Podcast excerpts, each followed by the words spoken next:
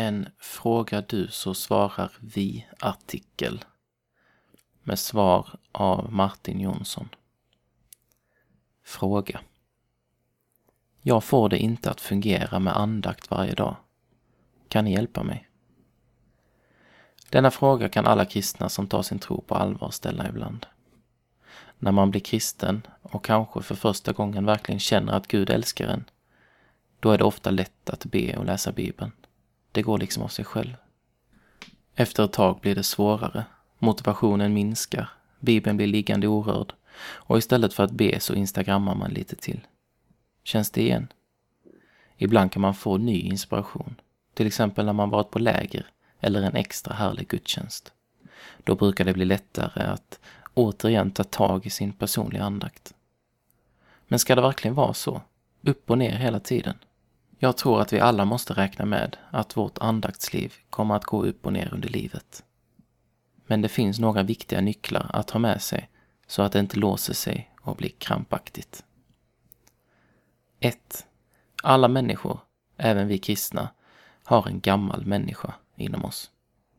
Det är den del av oss som av naturen inte vill vara med Gud, utan tvärtom vill gå bort ifrån honom.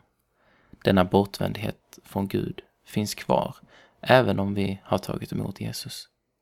Som kristna är vi förlåtna och upprättade, men samtidigt bär vi också rester av syndafallet inom oss.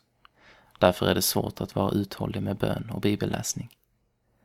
Det är förklaringen till att det ibland kan finnas ett onaturligt eller svårbegripligt motstånd mot att öppna Bibeln eller ta en stund i bön. 2. Skapa en god rutin och ordning och gå inte på känsla. Om känslan ska styras så blir det inte mycket av min andakt. Särskilt inte med tanke på det jag skrev under punkt 1. Men om man har en bra rutin så är chansen mycket större att det blir av. Det är likadant som med träning. Tänk om man bara skulle träna när man känner för det. Hur ofta skulle det bli av? 3.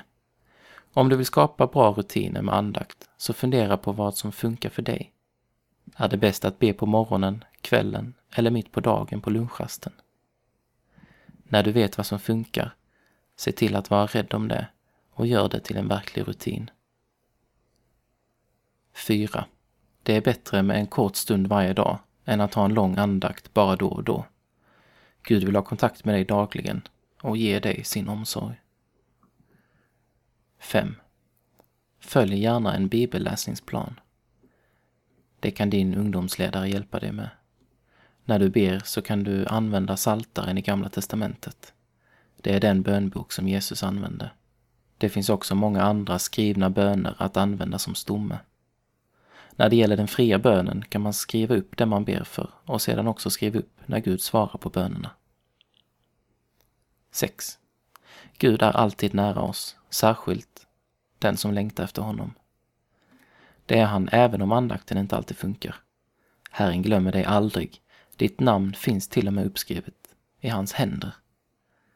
Läs Jesaja 49, vers 16. 7. När vi inte vet hur vi ska be så ber den helige Ande genom oss. Romarbrevet 8, vers 26. Det pågår en bön till Gud inom oss. Genom tron på Jesus är vi ju Andens tempel, så det kanske inte är så konstigt.